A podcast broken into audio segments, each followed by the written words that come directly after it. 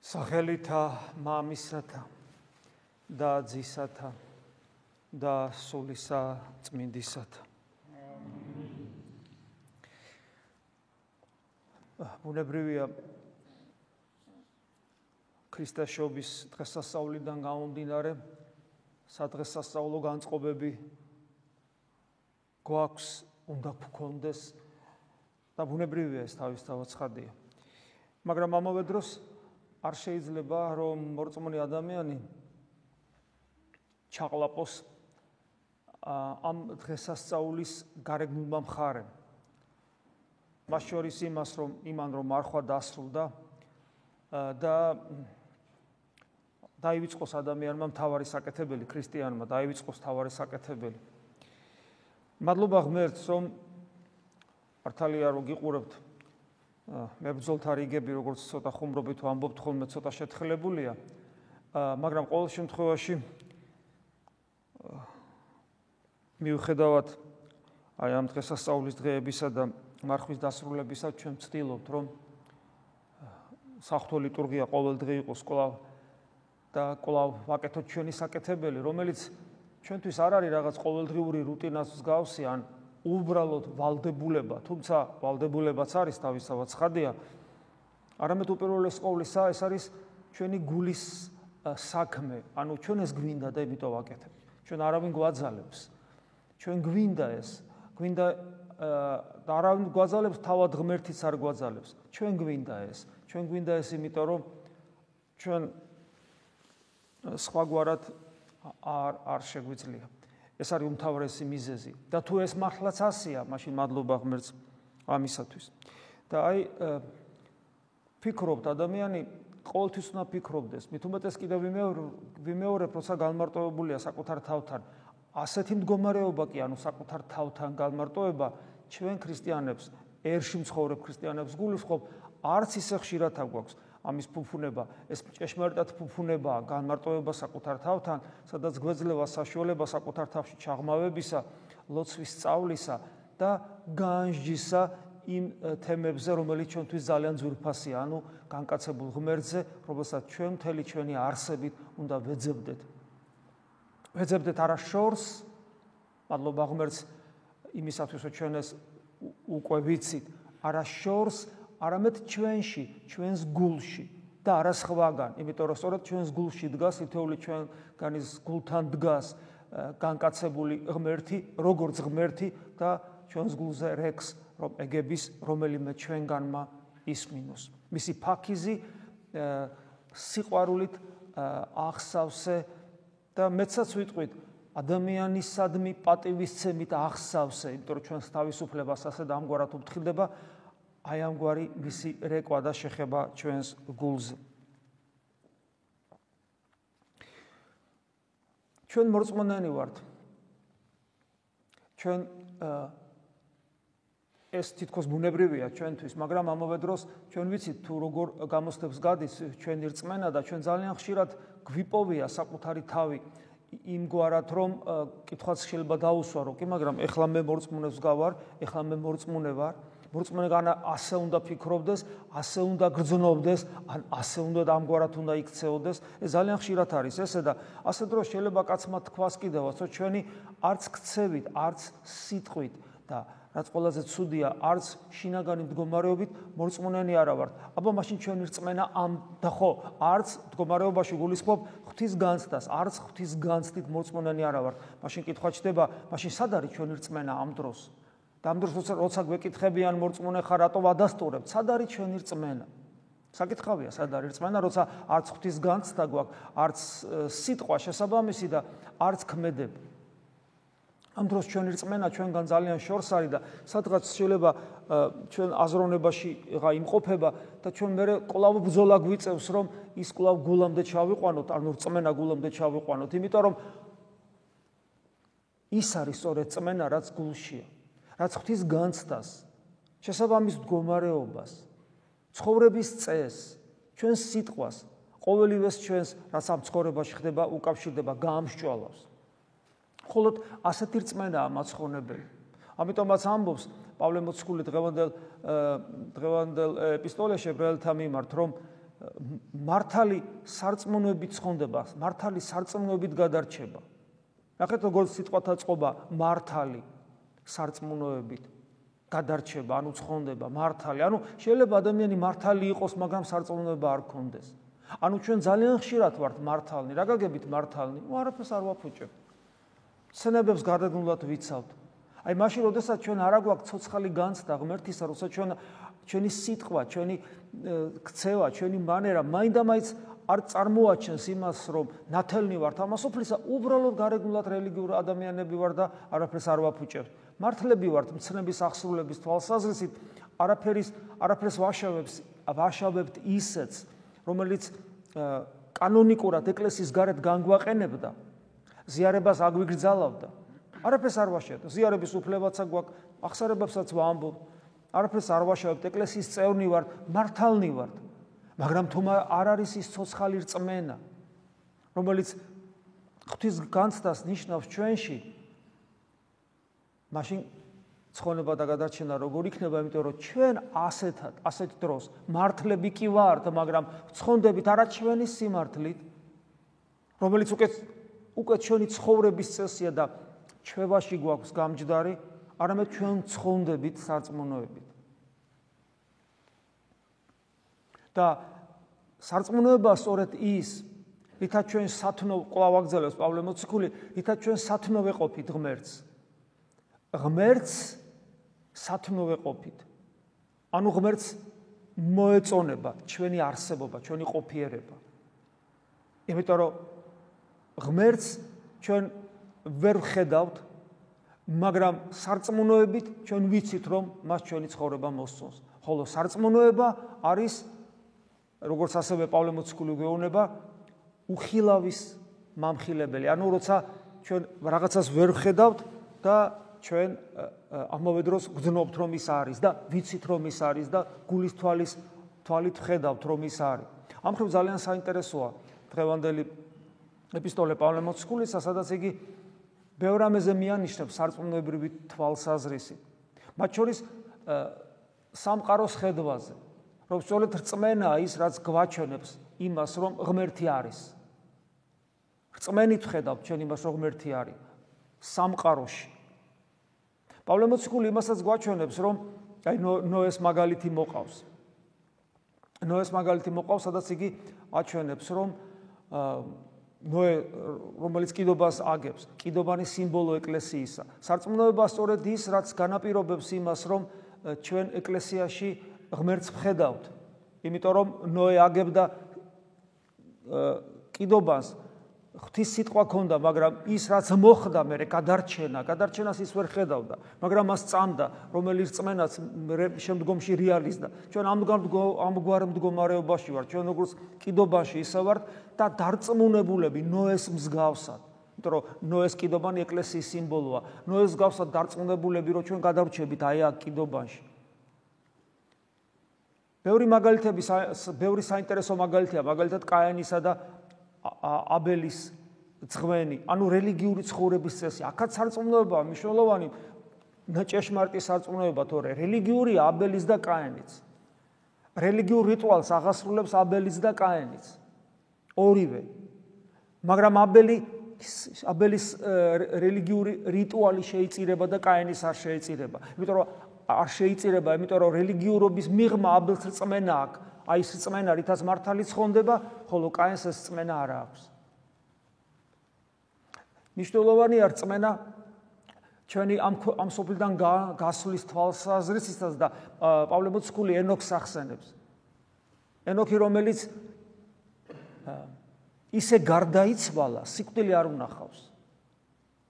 ხო ხვდებით რომ ეს ამ შემთხვევაში არ წერია იმისათვის, რომ ჩვენ ძველი აღთქმის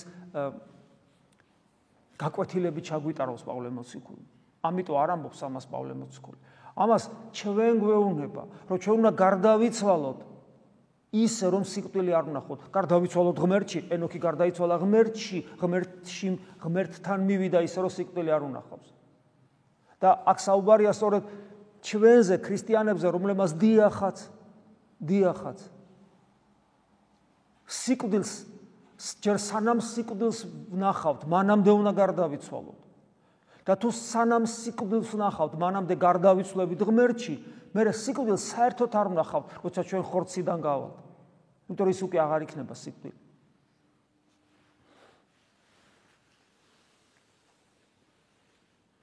სარწმუნოება უხილავის მამხილებელი, ანუ უხილავს გვაჩვენებს. არის ძალა, სარწმუნოება არის ძალა, რომელსაც მოსავთა მისთა თვის უხილავთა მამხილებელი, ანუ ვინც მას ვინც ვინც თელიმედებს ნამდვილ წმენაზე ვამყარებს, სწორედ ის ჩვენთვის ძალა ხდება. და ყველაფერი ეს ასე ჩვენ ვისაუბრეთ. სამყაროს შემეცნებაზე, რელიგიურ ცხოვრებაზე, ეკლესიაში ნამდვილ წმენაზე, გარდაცვალებაზე და ასე შემდეგ. ეს ყველაფერი კონცენტრირდება განკაცებული ღმერთის წმენაში. ჩვენ იესო ქრისტე უნდა დავინახოთ. ის უხილავი, რომელიც უნდა გვაჩვენოს ნამდვილმა რწმენამ, ეს არის ეს არის ის უხილავი, რომელიც ნამდვილმა რწმენამ უნდა გვაჩვენოს სწორედ იესო ქრისტე. და აი დღევანდელ მარკოზ מחარებელთან ამ ამ ამ საკითხზე ჩვენ ადრეც გვისაუბრია, სწორედ ეს არის მნიშვნელოვანი, როდესაც ფარისევლებთან, ციგნობრებთან, მღვდელმთავრებთან ურთიერთობებში, ურთიერთობაში როცა ისინი ეკამათებიან ქრისტეს, ავიწროვებენ მას არჯერად მისი ეწინააღმდეგებიან ყოველნაირად. სწორედ ამას ეუნებოდე, რომ ეს ძალაუფლება, რა ძალაუფლება გაქვს შენ, რომელი ძალაუფლებით ვინ მოგცა შენ ეს ხელმწიფება, როცა თქვა ასწავლი, როცა ამგვარად მოქმედებ და ასე შემდეგ.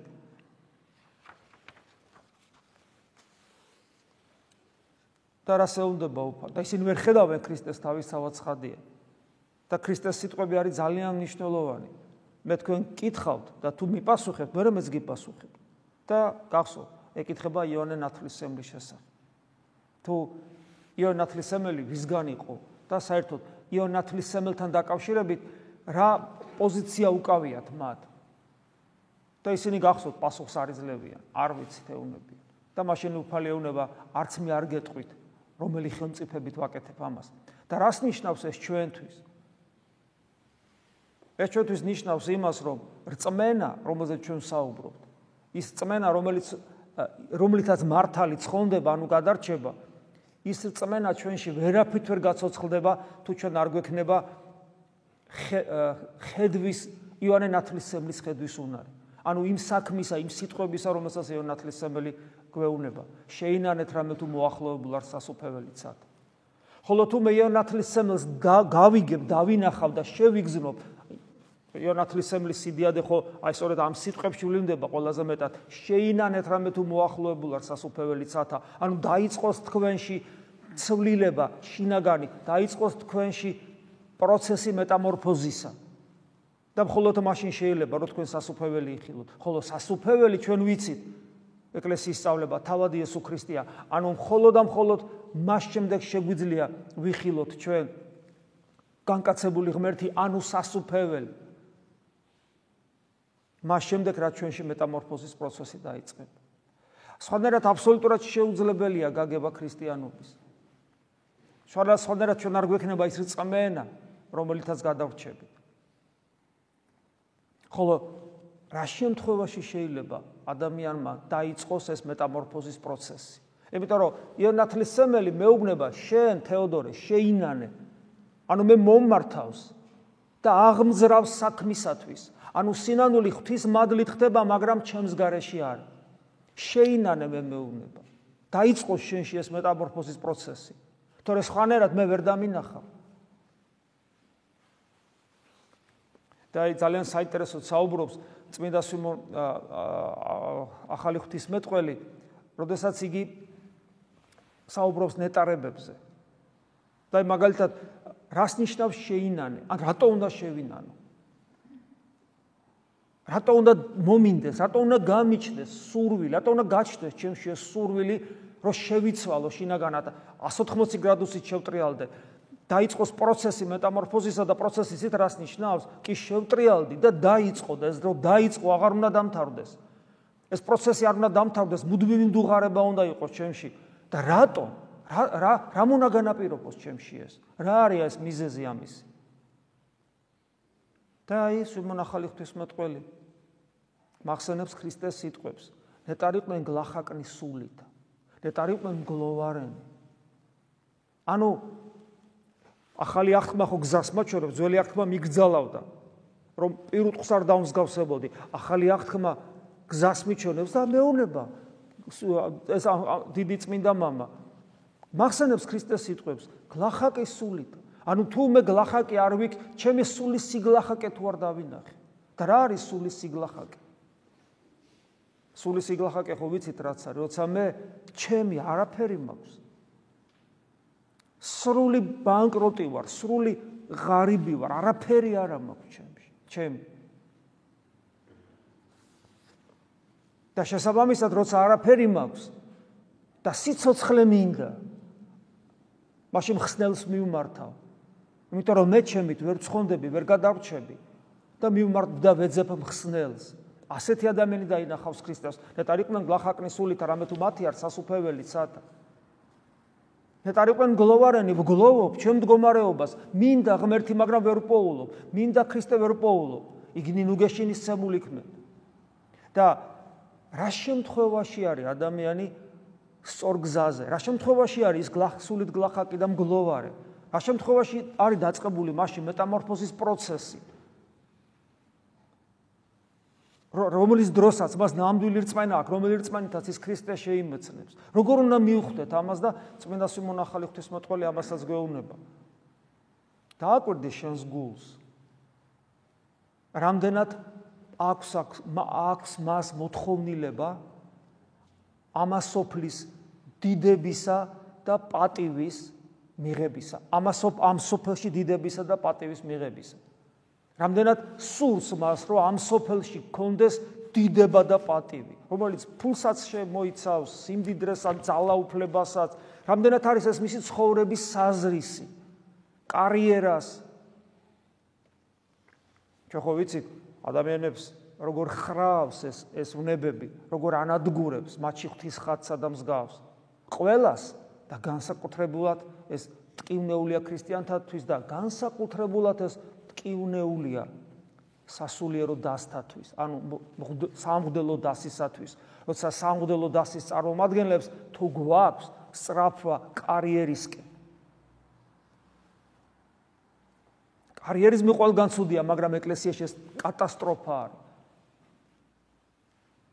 როცა ჩვენთვის თავარი ქრისტე კი არ არის, აი ჩემთვის მაგალითად რიგითი მგლისათვის. თავარი ის კი არ არის, რომ ვწირავ, გესმით, სიხარულით ვერ უნდა ვიძინებდე. და გაღვიძება ჩემთვის უბედნიერესი უნდა იყოს, იმიტომ რომ მე მაქვს უფლება. აი მე როგორც ღდელი საუბრობ ახლა. მე მაქვს უფლება. მე მაქვს პრივილეგია, ცუდი სიტყვა ცოტა, მაგრამ მაქვს ეს პრივილეგია, მაქვს ეს ბედნიერება, რომ შემელია საკურთხეველში ვიდგა და ვწირო. შემივიახლო წმინდა ტრაპეზს, როგორც უფლის ხელს. მაქვს უფლება რომ მას ტრაპეზს მოვეფერო, როგორც უფლის მარჯვენას, მისგან მივიღო წმინდა ძღვენი, ქრისტეს შეუერთდე. მე მაქვს კადნიერება, რომელიც ბედნიერებად მექცა, რომ მე უფალს ვთხოვო და მან გარდასახოს პური და ღვინო ხორცა და სისხლა და მე ვეზიარო თუ ნორმალური ვარ მე მღვდელი თეოდორე ამის იქით რა უნდა მინდოდეს ამის იქით რა უნდა იყოს ჩემი მიზანი რა კარიერა რა რა კი პავლე მოციქული ამბობს ვისაც ეპისკოპოსობა სურსო კარგი რამე სურს. ანუ ვისაც სამღდელო დასში ყოფნა სურს. მაგრამ მეორე ხრი, მეორე ხრი, ამაში იგულისხმება არა კარიერისკენ სწრაფვა, როცა მონაზონს უნდა მღდელმონაზნობა, როცა მღდელმონაზონს უნდა ეპისკოპოსობა, როდესაც მღდელს უნდა დეკანოზობა, როცა დეკანოს უნდა წინამძღვრობა და ასე შემდეგ. ეს კი არ იგულისხმება. ეს კარიერა ან ადმინისტრაციული რაღაც საქმიანობები არამედ ვისაც ეპისკოპოსობა სულსო პავლე მოციქული რო ამბობს სწორედ გულისხმობს აი ამ საოცარ უფლებას ღვთის სახურებისას რომელიც ადამიანისგან პრინციპში თავგანწირვას მოითხოვს და რომელიც არ ამაქვს რამე ერთ-ერთ უღირს მღვდელ თეოდორეს ეს ჩემთვის პირა ტრაგედია. რომ თავგანწირვას ითხოვს ღვთისმსახურება წეგა რაც თქვი ტრაპესთან დაკავშირებით უფლება აი ეს ეს კადნიერება ღმერთთან ურთიერთობისა როცა შენი ლოცვით შენ შენი ლოცვით გარდასახავს უფალი ხორცს და სისხლად პურსა და ღვინოს აი ეს უფლის ხელს ხელს როეხები როგორც თორსა წმინდა ტრაპეზები და შემდეგ ამას თელი ცხოვრების შეწირვა ჭირდება მაგრამ ამავე დროს კიდევ მეორე ეს ისეთი ბედნიერება ადამიანი ვერ უნდა იღვიძებდეს, ვერ უნდა იძინებდეს და რომ იღვიძებს, უნდა სიხარულით გამწყენებული იღვიძებდეს. მას არ უნდა კონდეს არანაირი პატარა განწყობას კი რომელიც მას ამ ბედნიერებას წაართმევს. რა რა პრობლემებიც არ უნდა იყოს ამ სოფელში. და მას ჭირდება სრული სისავსე სულიერ ცხოვრების, რომელიც სწორედ მეტამორფოზით მიიღწევა, ანუ იმ სინანულით და ჭეშმარიტი სინანულით, გლოვარებით, საკუთარი სულის სიგლახაკის დანახვით, უფლის ძიებით. აი ამ და და ასეთ დროს, ასეთ დროს სასულიერო პირი ცდილობს, რომ ყველაფერი გადასცეს მრევლს, რომელიც პოტენციაში ასევე სამგდელო და სამეფო დასია, რომ მათაც აი როგორც ლოცვებში ვკითხულობ, საიდუმლო ლოცვებში ერი უმეცარი, უმეცარი არა ხშირად გვითხოვს ინტელექტუალური გაგებით, არამედ აი იმ გამოცდილებით, რომელიც გამოცდილებას მოგდელ საკურთხეველში აქვს. აი უმეცარერს გადასცემს, ვალდებულია გადასცეს ეს განწყობა და ეს განცდა ღმერთისა. ღმერთთან სიახლოვის ეს განცდა გადასცეს, როგორც ასევე სამეფო და სამგდელო დას. და ეს გადაცემა თუ არ მოხდება საკურთხევლიდან ტაძარში მღვდლიდან მრევლზე ეს მღვდელი მასში თავის საქმეს არასრულებს. და მრევლი დაცარიელებულია. მადლისგან ბეზდება და გარბის ეკლესიიდან. და არის არამრევლის ბრალი არამედ ღვდლის რომელმაც ვერ გამოიტანა ცეცხლის საკურთხევლიდან რომელიც მისი არ არის ქრისტესია და ვალდებულია ცეცხლი გაარნაწილოს მრევლზე ამიტომ ეს იყავით ნათელნი ამას ოფლისა პირდაპირ გაგებით მგდელზეა ნათქვა ზუსტად ზუსტად რომელმაც ეს უნდა გააკეთოს და მოიმოქმედოს. და სიმონახალი ღვთისმეტყველი ამბობს რომ აი ეს ძიება სასופევლისა რომელიც სული სიგლახაკეს მოსდევს ეს ძიება ხდება შიგნით. და აკვირდები რა გულს და არაძლევს საშუალებას რომ ამასოფლის დიდებისკენ ისწრაფოს არამედ აიძულებ რომ ქრისტეს გული გაუღოს შიგნით ეძებოს ქრისტესთან ერთობა სწორედ ეს არის ის ასე ჩვენ ისი ხასს და გონიერ ლოცვას უწოდებთ დიახარ როდესაც ჩვენ შობის დღესასწაულში ვიმყოფებით ჩვენთვის ქრისტეს შობა რაღაც აბსტრაქცია არ უნდა იყოს და სადღაც რაღაცა მომხდარის გახსენება და სუფრაზე გაგრძელებული და დამთავრებული დღესასწაული. არამედ ეს უნდა იყოს კიდევ ერთხელ სტიმული იმისა, რომ ჩვენ შიგნით იესო ქრისტე ვეძებოთ. დიახაც ჩვენ სულ ამას ვაკეთებ. რადგან მე თუ უბრალოდ თუ მე სულის სიგლახაკეს გძნობ მე საოცარი მოთხოვნილება უნდა მქონდეს ამ სიგლახაკიდან გამოსულისა. და სასუფეველი რომელიც მე მეძლევა ეს ჩემს გულში ხდება იმიტომ რომ ქრისტია სასუფეველი. და თუ ეს სული სიგლახაკა მემაწუხებს და ეს ნეტარება ნეტარება რომელიც ამ წუხილს მოყვება არის ნეტარების აღსრულება ხდება ჩემს გულში. ეს არის სწორედ გონიერი ლოცვის ერთ-ერთი საფუძველი. აი ესია ეს უნდა გავაგზავნოთ ჩვენ და უფალი შეგვეწევა იმიტომ რომ ჩვენ რა თქმა უნდა არაფერი ვიცით არაფერი შეგვიძლია და შეუძლებელიც კი ეს ყოველივე რაზე ჩვენ საუბრობთ, მაგრამ შეუძლებელი კაცათვის შესაძლებელია ღმერთის მიერ, ხოლო ღმერთი კიდე ჩვენთან არის. დიახაც როცა ჩვენ ამბობთ, ჩვენთან არის ღმერთი, ჭეშმარიტად ჩვენთან არის ღმერთი, განკაცებული იესო ქრისტე, რომელიც ფაქიზად ჩვენ და մի დიდი სიყვარულითა და პატივის ცემითაც კი, რამე თუ ჩვენს თავისუფლებას უფრთხილდება, ფაქიზად გვიკაკუნებს გულში.